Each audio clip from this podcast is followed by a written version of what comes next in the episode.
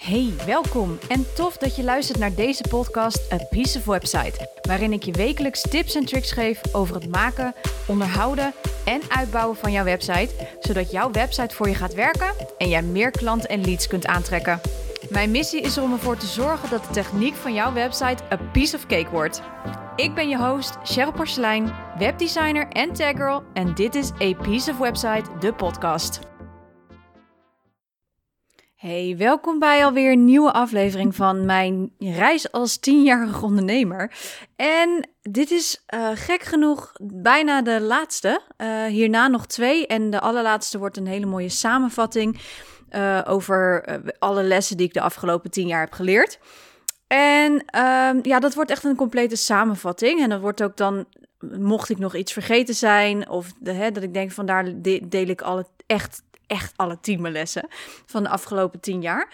En um, ja, ik, ik krijg, blijf superleuke reacties krijgen. En uh, ik, ik vind het ook heel erg leuk om te horen dat de Freestyle podcast uh, een stuk beter beviel. Dus nou ja, ook nu doe ik dat weer. Soms uh, kan dat wel eens werken, want ook nu had ik weer zoiets van, ja, ik had weer een paar dingen waarvan ik dacht, nou, dat kan ik wel even delen. Want dat is ook wel iets wat ik de afgelopen tien jaar vaak bij mij heb teruggezien. Um, en wat ik ook misschien wel heel veel bij andere ondernemers zie, maar laat ik het vooral even op mezelf betrekken. Um, en ik ga het een beetje hebben over ja, tegenslagen, om het zo maar even te noemen. Want ondanks dat ik zakelijk uh, een ontzettend goed jaar heb gedraaid, um, zijn natuurlijk, natuurlijk ook wel tegenslagen geweest. Uh, in de zin van hè, dat we natuurlijk in de coronacrisis zitten. Um, en, en heel veel ondernemers daarin uh, geraakt zijn, helaas. En um, ja, ik moet heel eerlijk zeggen, mijn hart breekt echt als ik dat hoor. Soms voelt het ook bijna oneerlijk tegenover mezelf dat ik dan zo goed jaar draai. Maar ik heb er natuurlijk kei en keihard voor gewerkt. En dat is dan weer het andere uiterste. Dat doen andere ondernemers natuurlijk ook. En zij kunnen dus helemaal niks doen aan het feit dat er weer een lockdown is. Dat er uh, regels worden getroffen waardoor bepaalde ondernemers zoals de horeca en de retail nu uh, worden geraakt. En het lijkt me echt heel erg lastig voor een ondernemer om daarmee om te gaan. Aan de andere kant, tegenslagen horen wel bij het ondernemerschap. Um, maar ik denk dat het vooral heel belangrijk is, is dat hoe ga je met zulke tegenslagen om? Um, en daar wil ik het een beetje met jou vandaag over hebben. Um, en misschien is dit wel een heel slecht voorbeeld hoor. Maar de tijd dat ik deze podcast uh, opneem, ben ik op mijn vakantieadres in Putten. Samen met mijn hond. Heerlijk even een, uh, een paar dagen op de Veluwe voordat alle kerstdrukte of gekte. Nou ja, dat dit jaar natuurlijk ook heel erg anders. Um, voordat het eigenlijk een beetje begint. Um, dus ben ik er nog heel even, had ik besloten om er nog even een paar dagen tussenuit te gaan. Om echt even tot rust te komen. Nou, dat laatste is niet helemaal gelukt. Uh, de vakantie begon iets met tegenslag. Als we dan toch meteen erin duiken. Um, ja, ik was uh, nagenoeg uh, over de helft. En ik reed op de snelweg op de A1. En op een gegeven moment dacht mijn auto, ik stop ermee. En ik reed met volle vaart 100 en ineens dacht mijn auto, nou, hier ga ik, hier ga ik het gas eraf halen en de hele auto in zijn geheel, echt in zijn totaliteit uitschakelen. Nou, ik heb dit echt serieus nog nooit meegemaakt. Ik schrok me eigenlijk ook helemaal de, de pannenkoeken, zeg maar. En ik wist ook eigenlijk niet zo goed. Het enige wat ik natuurlijk nog wist, ook vanuit trainingen, vanuit rijlessen, vanuit ook wel een stukje ervaring met, met, met anderen meerijden, et cetera. Uh, wist ik, oké, ik moet nu een vluchtstrook vinden. Want uh, ik kon geen gas meer geven, mijn remmen deden het niet goed. En mijn auto remde zich vanzelf af. Dat was heel erg eng. Want uh, je rijdt 100 en op de A1 is er een uh, spitsstrook geopend, waardoor er dus aan de zijkant geen vang, uh, vluchtstrook meer is. Nou, dat is heel eng. Zeker omdat ik de hond ook achterin heb zitten. als ik in mijn eentje ben, heb ik daar iets minder moeite mee. maar, maar als, zodra ik de hond achterin heb zitten, vind ik het echt heel erg eng dat mijn auto dit soort dingen, dit soort tafereelen gaat uithalen met mij. Um, en gelukkig was ik zodanig ver op de A1 dat er een afslag aankwam. En bij die afslag zat er gelukkig weer een vluchtstrook. Dus ik heb mijn uh, auto daar naartoe weten te rollen. Met heel veel moeite, pijn leed, want ook de stuurbekrachtiging, alles was gewoon uitgeslagen. Dus probeer maar eens je stuur om te draaien zonder stuurbekrachtiging. Um, dat is echt heel erg zwaar. En aangezien ik natuurlijk een, een ja, een, een, een, lichamelijke beperking heb en ik voorzichtig moet zijn met mijn vingers en mijn handen, ja, was het extra zwaar om dat stuur te kunnen omdraaien naar de vluchtstrook. Nou, in allerijl de panieklichten aangezet. Uh, noemen we dat zo? De panieklichten of de waarschuwingslichten. Ik vond zelf dat ik redelijk, um, redelijk rustig nog eronder was. Want ik had eerst zoiets van: oké, ik moet die auto aan de kant krijgen, hoe je het ook bent of keert. Nou, dat is gelukt. Um, en ik stond net aan het begin bij zo'n vangrail, dus waar de vangrail zeg maar omhoog loopt. En daar ben ik, um, heb ik de auto zo ver mogelijk uh, aan de zijkant gezet van de vluchtstrook en ben ik met de hond in de berm gaan staan. Nou, en ik kan je vertellen, de, in de berm staan achter een vangrail op een drukke snelweg. Ik was niet dat je denkt van hier ga ik voor mijn lol staan. ik heb wel vaker mensen natuurlijk langs de weg zien staan en denk ik, ach gut, het zal je maar overkomen. Dit keer kwam het over mij, fikse tegenslag, want ik was bijna in uh, op mijn vakantieadres. Ja, en heel eerlijk gezegd, ik wist niet zo goed wat ik moest doen. Um, omdat ik heel weinig reis en heel weinig auto rij, uh, ook milieuwijs gezien. Um, ik heb de auto echt puur voor, voor uh, nou ja, om op vakantie te gaan binnen Nederland. En uh, eventuele afspraken dichter bij huis. Voor de rest doe ik of alles met de fiets, lopend of met de trein. Dus de auto is natuurlijk niet echt iets waar ik veel mee rijd. Dus ik heb ook geen ANWB-lidmaatschap. Nou, dat was natuurlijk best wel een flinke fout uh, die ik heb gemaakt. Daar heb ik ook weer van geleerd. Zo zie je maar dat alles weer een les heeft. Maar, maar goed, ik had dus nog geen ANWB-lidmaatschap. Dus daar sta je dan langs die snelweg, langs die A1. Vrachtwagens die voorbij schieten. Auto's die voorbij knallen met 100, 120. Weet je, niet iedereen houdt zich aan de snelheid. Um, mensen die je natuurlijk staan aan te kijken. Want sommige mensen denken misschien wel van... nou, staat ze nou gewoon de hond uit te laten daar? Want ik sta natuurlijk daar met mijn hond in de berm. De anderen zien wel mijn auto staan en hebben ze andere conclusies. Nou, noem het allemaal maar op. Uh, don't judge a book by its cover, hè, is dit in dit geval. Dus... Nou ja, weet je, het was niet echt heel erg prettig om daar te staan. En omdat ik dus nul ervaring had met het met pechgeval, want mijn auto, ik heb nu, dit is mijn tweede auto die ik heb. Mijn auto's hebben me nog nooit in de steek gelaten. Dit is echt de allereerste keer dat ik dit heb meegemaakt. En ook, dit is weer zo'n ding, net als het uh, ondernemerschap, dat je op school dus niet wordt klaargestoomd om een eigen ondernemer te zijn, is met rijlessen. Hè. Je krijgt de theorie, maar je wordt niet op de echte ervaringen die je in het leven opdoet. Uh, zoals dus dat er een keer een auto afslaat. Of zoals dus dat er een keer dat je een keer naar de vluchtstrook moet rijden. Dat wordt niet geoefend tijdens de rijlessen. Tenminste, dat was bij mij niet zo. Dus de ervaring van oké, mijn auto slaat af, wat moet ik nu doen? Dat is echt puur eigenlijk een beetje op je instinct vertrouwen. En dat is ook een klein beetje zo natuurlijk met het ondernemerschap. Dat als je een tegenslag krijgt die je nog nooit hebt meegemaakt. Ja, hè, zoals dus waar we nu in zitten, een coronacrisis. Of nou ja, zoals dat er bepaalde dingen misschien stuk gaan op het moment dat je het nu juist nodig hebt. Um, die ervaring, die krijg je pas natuurlijk op het moment dat er iets gebeurt. Daar kun je je niet heel snel op voorbereiden. Ik had ook met mijn auto dat ik echt zoiets had van... oké, ik moet een vluchtstrook te zien bereiken en daarna zien we wel weer verder.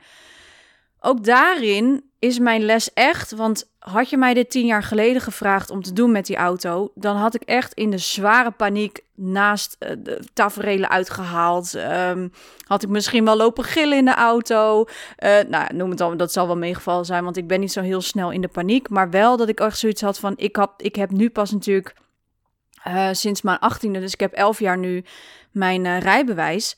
En um, ja, als, je dat natuurlijk, als ik dat natuurlijk had meegemaakt toen ik net aan mijn rijbewijs had, hè, de eerste week of de eerste jaar of de eerste drie jaar, had ik er heel anders op gereageerd, denk ik, als dat ik nu had. Nu heb ik natuurlijk heel veel wegervaring aan zich, ook al rij ik heel weinig. Ik rij de noodzakelijke stukken. Um, ik rij zodanig al lang dat ik natuurlijk wel weet hoe alles werkt. Um, maar zoals iets wat ik heb meegemaakt nu met het afslaan van mijn auto, dat heb ik gelukkig nooit, nooit meegemaakt. En ik ben ook heel blij dat ik dat nu meemaak op een punt waarvan ik denk: oké, dit overkomt me. Het gebeurt. Wat gaan we doen? En welke actie gaan we hierop ondernemen? En dat is eigenlijk ook een klein beetje um, met het ondernemerschap. Oké, weet je, er is een coronacrisis. Wat kunnen we doen? Hoe kunnen we uh, pivoten? Dus uh, verdraaien eventueel hè, in je boodschap, in uh, bepaalde kansen pakken. In, um, in ieder geval, voor mij was het dan in dit geval: oké, waar is de vluchtstrook? Hè? Stap 1. Waar is die vluchtstrook? Oké, mijn auto begeleiden naar de vluchtstrook en vanuit daar ga ik pas de volgende stappen uh, bedenken. Want dat betekent dat ik dus nu moet gaan bellen. Maar daarvoor zit nog een stap. Oké, ik moet mezelf eerst en de hond in veiligheid brengen. Dus dat betekent dat ik de auto uit moet. Oké, daar zijn natuurlijk ook weer handelingen voor nodig. Um, je moet goed uitkijken. Sta je goed? Uh, zit je ver genoeg van de weg af? Zien mensen je staan? Staan je alarmlichten aan? Nou, en dan moet je die hond uit de auto halen. Dat was natuurlijk wel even spannend, want voor hetzelfde geld schiet die riem los. Um, dus ik heb denk ik nog nooit zo krampachtig een riem vastgehouden. Dat vond ik wel even spannend. Maar toch ergens had ik de rust um, in mij om goed te kunnen blijven functioneren in een situatie die je helemaal niet kent. En nou, toen ben ik achter die vangrail gaan staan. Ik heb de ANWB gebeld. Nou, helaas namen zij niet op. Um, dus ik had bedacht, oké, dan stap 2. Want het was eigenlijk best wel koud buiten. Dan stap 2, dan ga ik Allianz bellen. Ja, ik ken natuurlijk Allianz van de, van de reclames. Um, nou ja, ik ben ooit een keer bij hun toen ze nog, uh, uh, um, hoe heet het? Goh, nou ben ik de naam vergeten hoe ze er, hoe ze er vroeger bij, uh, bij zaten. Maar Allsecure, dat was het. Toen, toen ben ik een tijdje bij hun lid geweest. Maar ja, omdat ik natuurlijk zo weinig rijd, is voor mij een lidmaatschap daarvoor um, helemaal niet rendabel met deze auto. maar goed, uh, je zal het dus maar net nodig hebben. Dat had ik dus nu. Uh, en ik had dus geen lidmaatschap bij, geen van enkele. Oké, ik heb Allianz gebeld. Allianz heb meteen opgenomen. Heel fijne service. Echt even petje af. Ondanks dat ik geen lid was, kreeg ik allerlei um, ja, opties. Ik kreeg allerlei uh, instructies. En natuurlijk is het met ondernemen is dit nu net even iets anders. Maar goed, um, ik kreeg te horen van ja, omdat je op de snelweg staat en omdat je echt wel hè, een beetje rot staat, moet je de politie bellen. Je moet 112 bellen. Ja, ik heb dus ook nog nooit in mijn hele leven gelukkig maar 112 gebeld. Um, dus ja, oké, ga je 112 bellen. Ik zeg, dus zij heeft helemaal uitgelegd wat ik dan allemaal moest vertellen hoe ik dat dan moest doen. Nou ja, hoe ik dat moest doen, meer in de zin van hè, hoe, ik, hoe en wat uh, de, de stappen waren als zij bij mij kwamen. Dat ik dus naar een veilige haven zou worden gesleept met de auto. En, en dat we vanuit daaruit dan uh, of een garage moesten bellen of nou ja, de ANWB. Anyhow, ik denk dat het ongeveer uh, dat gesprek zelf 10 minuutjes heeft geduurd. Maar daardoor had ik weer dat ik zoiets had van: oké, prima, ik weet nu wat ik moet doen laat ik dit ook meteen uitvoeren. Hè? Want het is net als ondernemen, als je op een gegeven moment zoiets hebt van: oké, um, ik weet wat mijn volgende stap gaat zijn. Ik ga daar nu actie op ondernemen. Nou, in mijn geval was het nog wel een acute actie natuurlijk, omdat ik natuurlijk aan de snelweg stond. En ik heb dus 1 en 2 gebeld. Ik heb aangegeven van, joh, ik sta langs de snelweg. Nou, het eerste wat iedereen vraagt, ook trouwens de, de, de ANWB en de alarmcentrales en, en um, de politie, sta je veilig? Ja, ik stond helemaal veilig. Nou, dan weten ze ook, oké, dan is het goed. Staat de auto veilig? Ja, die stond ook veilig. Nou, prima. Wij gaan voor u in orde maken dat er een sleepwagen uw kant op komt. Nou, en omdat je dus 112 belt, wordt het via Rijkswaterstaat aangegeven en betaal je dus geen kosten voor het wegslepen. Nou, dat was natuurlijk ideaal. Nou, ik denk dat het ongeveer een half uurtje heeft geduurd voordat de sleepdienst bij mij kwam. Um, ik heb um, uh, ik ben uh, netjes uh, opgetakeld en ik ben weggesleept naar een veilige locatie. En daar hebben we uiteindelijk de auto weer aan de praat gekregen. En hij gaf aan, ja, je kan, je kan het erop gokken dat je putten redt. Nou, ik heb het erop gegokt, ik heb het niet gered. Um, dus bij deze cliché, maar ik heb het niet gered. Want net tien minuutjes voordat ik op mijn vakantieadres was, uh, sloeg de auto helaas weer af en kwam ik in dit keer wel op een zeer ongelukkige uh, situatie uh, te staan. Um, maar omdat ik natuurlijk nu zoiets had van, oké, ik weet precies wat ik moet doen. Dit is dus eigenlijk een soort vergelijkbaar met een tweede lockdown, bewijs van. Iets minder heftig natuurlijk. Ik weet wat, hoe heftig uh, de lockdown voor, voor heel veel ondernemers is. Maar toch een stukje vergelijking, omdat ik nu wist: oké, dit heb ik eerder meegemaakt, al dan niet een half uur geleden. Maar ik weet nu, ik ga nu 1 en 2 bellen. Zeker nu, want ik sta heel ongelukkig. Ik ga de auto uit met mijn hond en ik ga op een veilige plek staan en ik wacht. En meer kan ik niet doen. Nou, had je mij dat tien jaar geleden dus gevraagd, dan had ik echt in de paniek geschoten. En ik had er heel erg van gebaald. En ik had heel erg boos geweest op alles en iedereen, behalve op, me, op mezelf natuurlijk. Ehm, en dat is wel iets wat ik in de afgelopen tijd ontzettend heb veranderd bij mezelf. Omdat ik zoiets had van ja, maar op deze manier kan ik ook niet ondernemen. Op deze manier vind ik ook dat bepaalde in het, dingen in het leven je daardoor extra moeilijk maakt voor jezelf.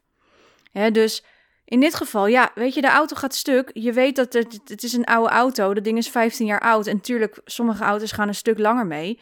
Ja, in mijn geval had ik gewoon pech dat ik um, dat deze auto het iets minder lang volhield.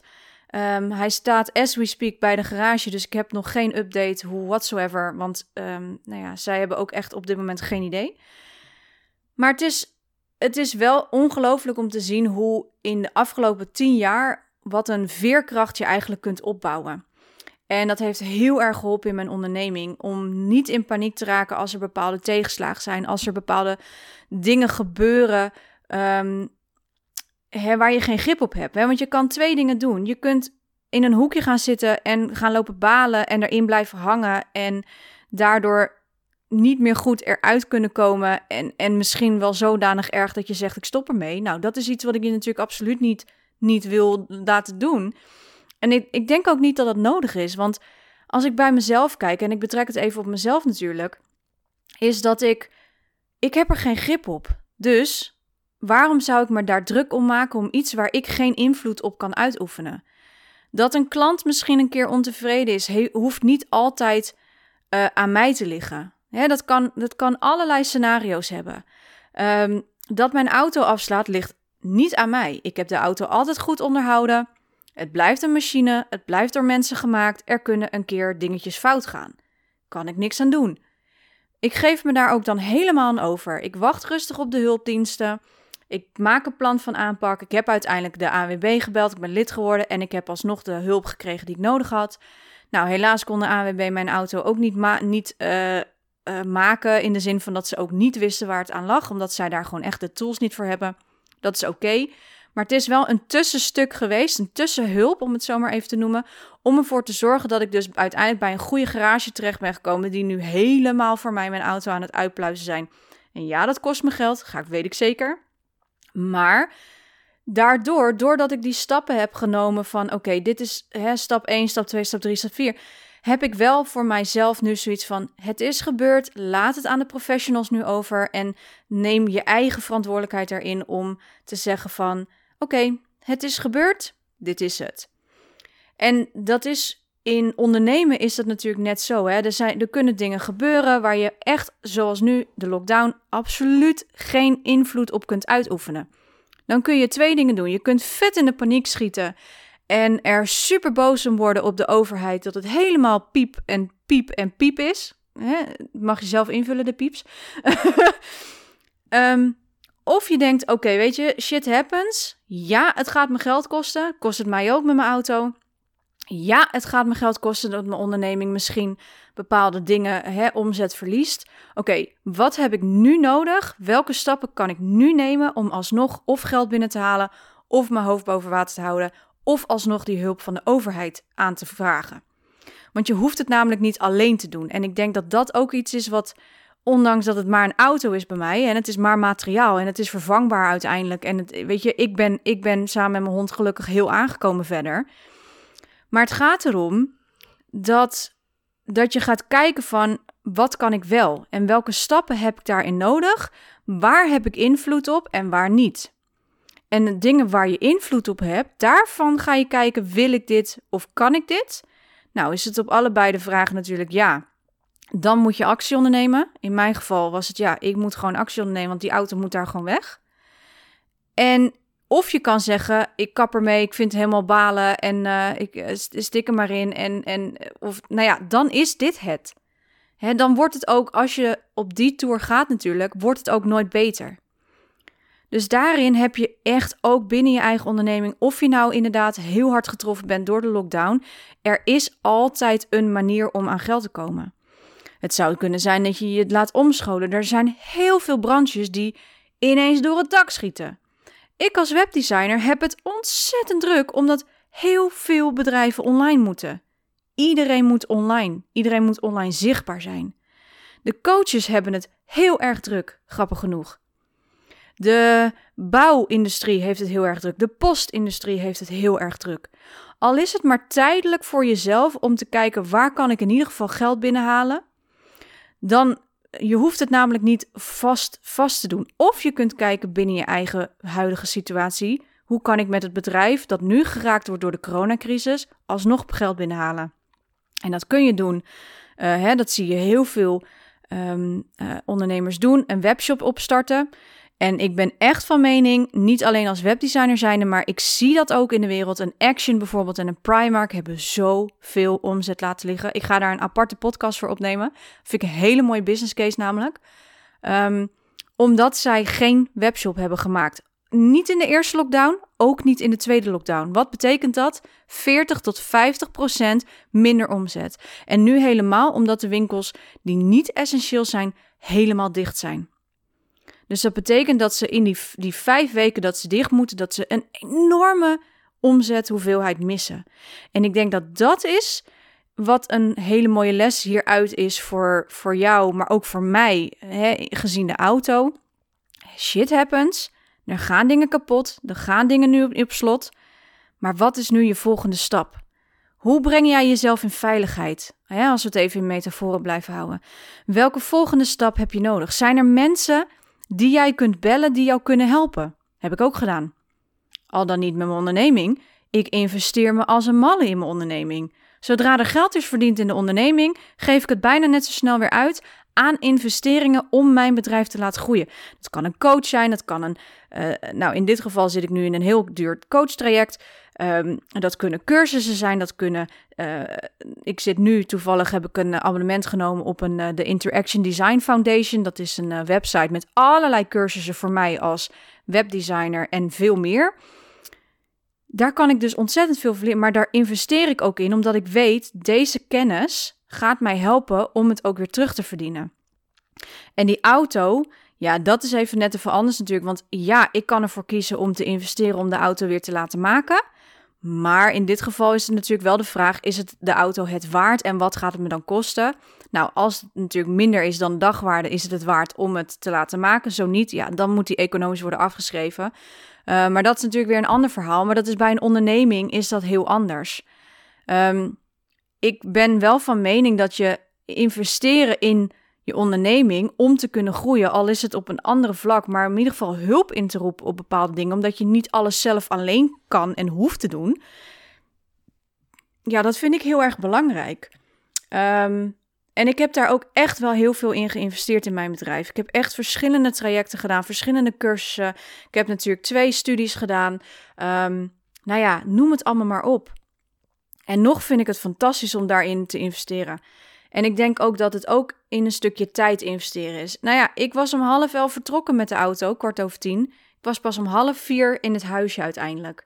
Ja, dat betekent tijd investeren en in dit geval ook geld investeren in mijn auto en in een lidmaatschap om die hulp te krijgen die ik nodig had. En dat geldt voor ondernemen net zo. Soms moet je geld investeren om de hulp te krijgen die je nodig hebt om meer geld te kunnen verdienen.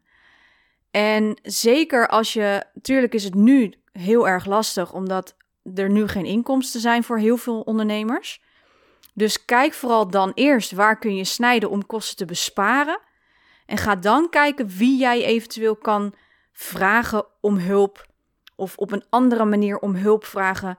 Of dat je op een andere manier je geld binnen gaat halen.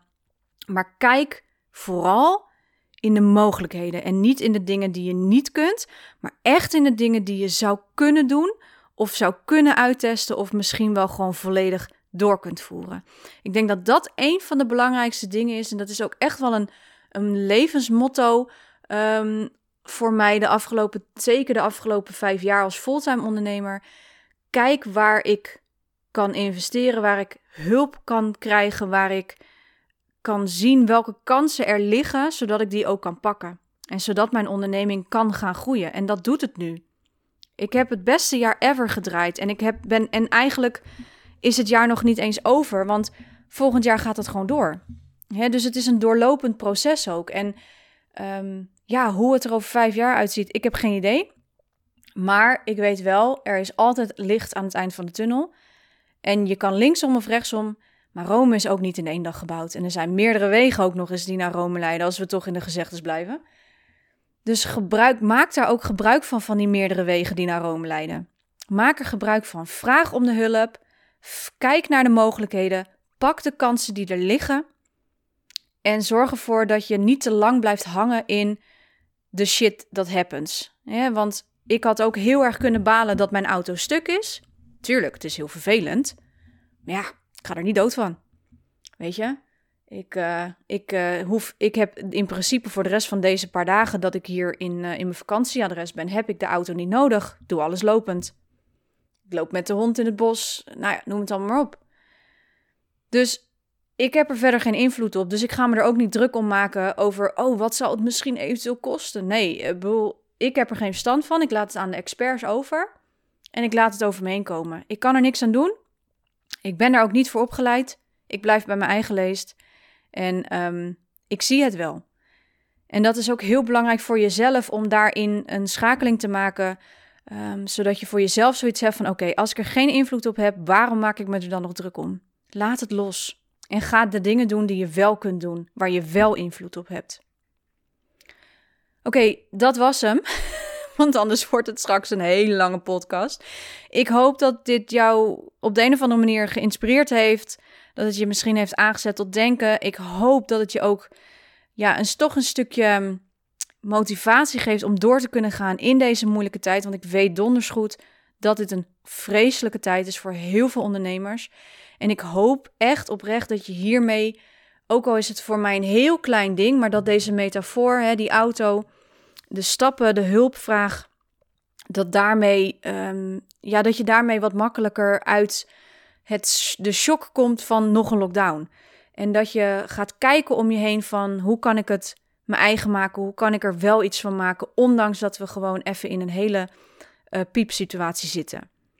Dus ik hoop oprecht dat je deze podcast een, uh, een fijne aflevering vond. Zo niet, laat me dan ook weten natuurlijk, vind ik alleen maar fijn. Um, en als je zoiets hebt van, nou, ik vond het echt heel prettig, dan hoor ik het heel graag van je. En um, nou ja, tot de volgende aflevering zou ik maar zeggen.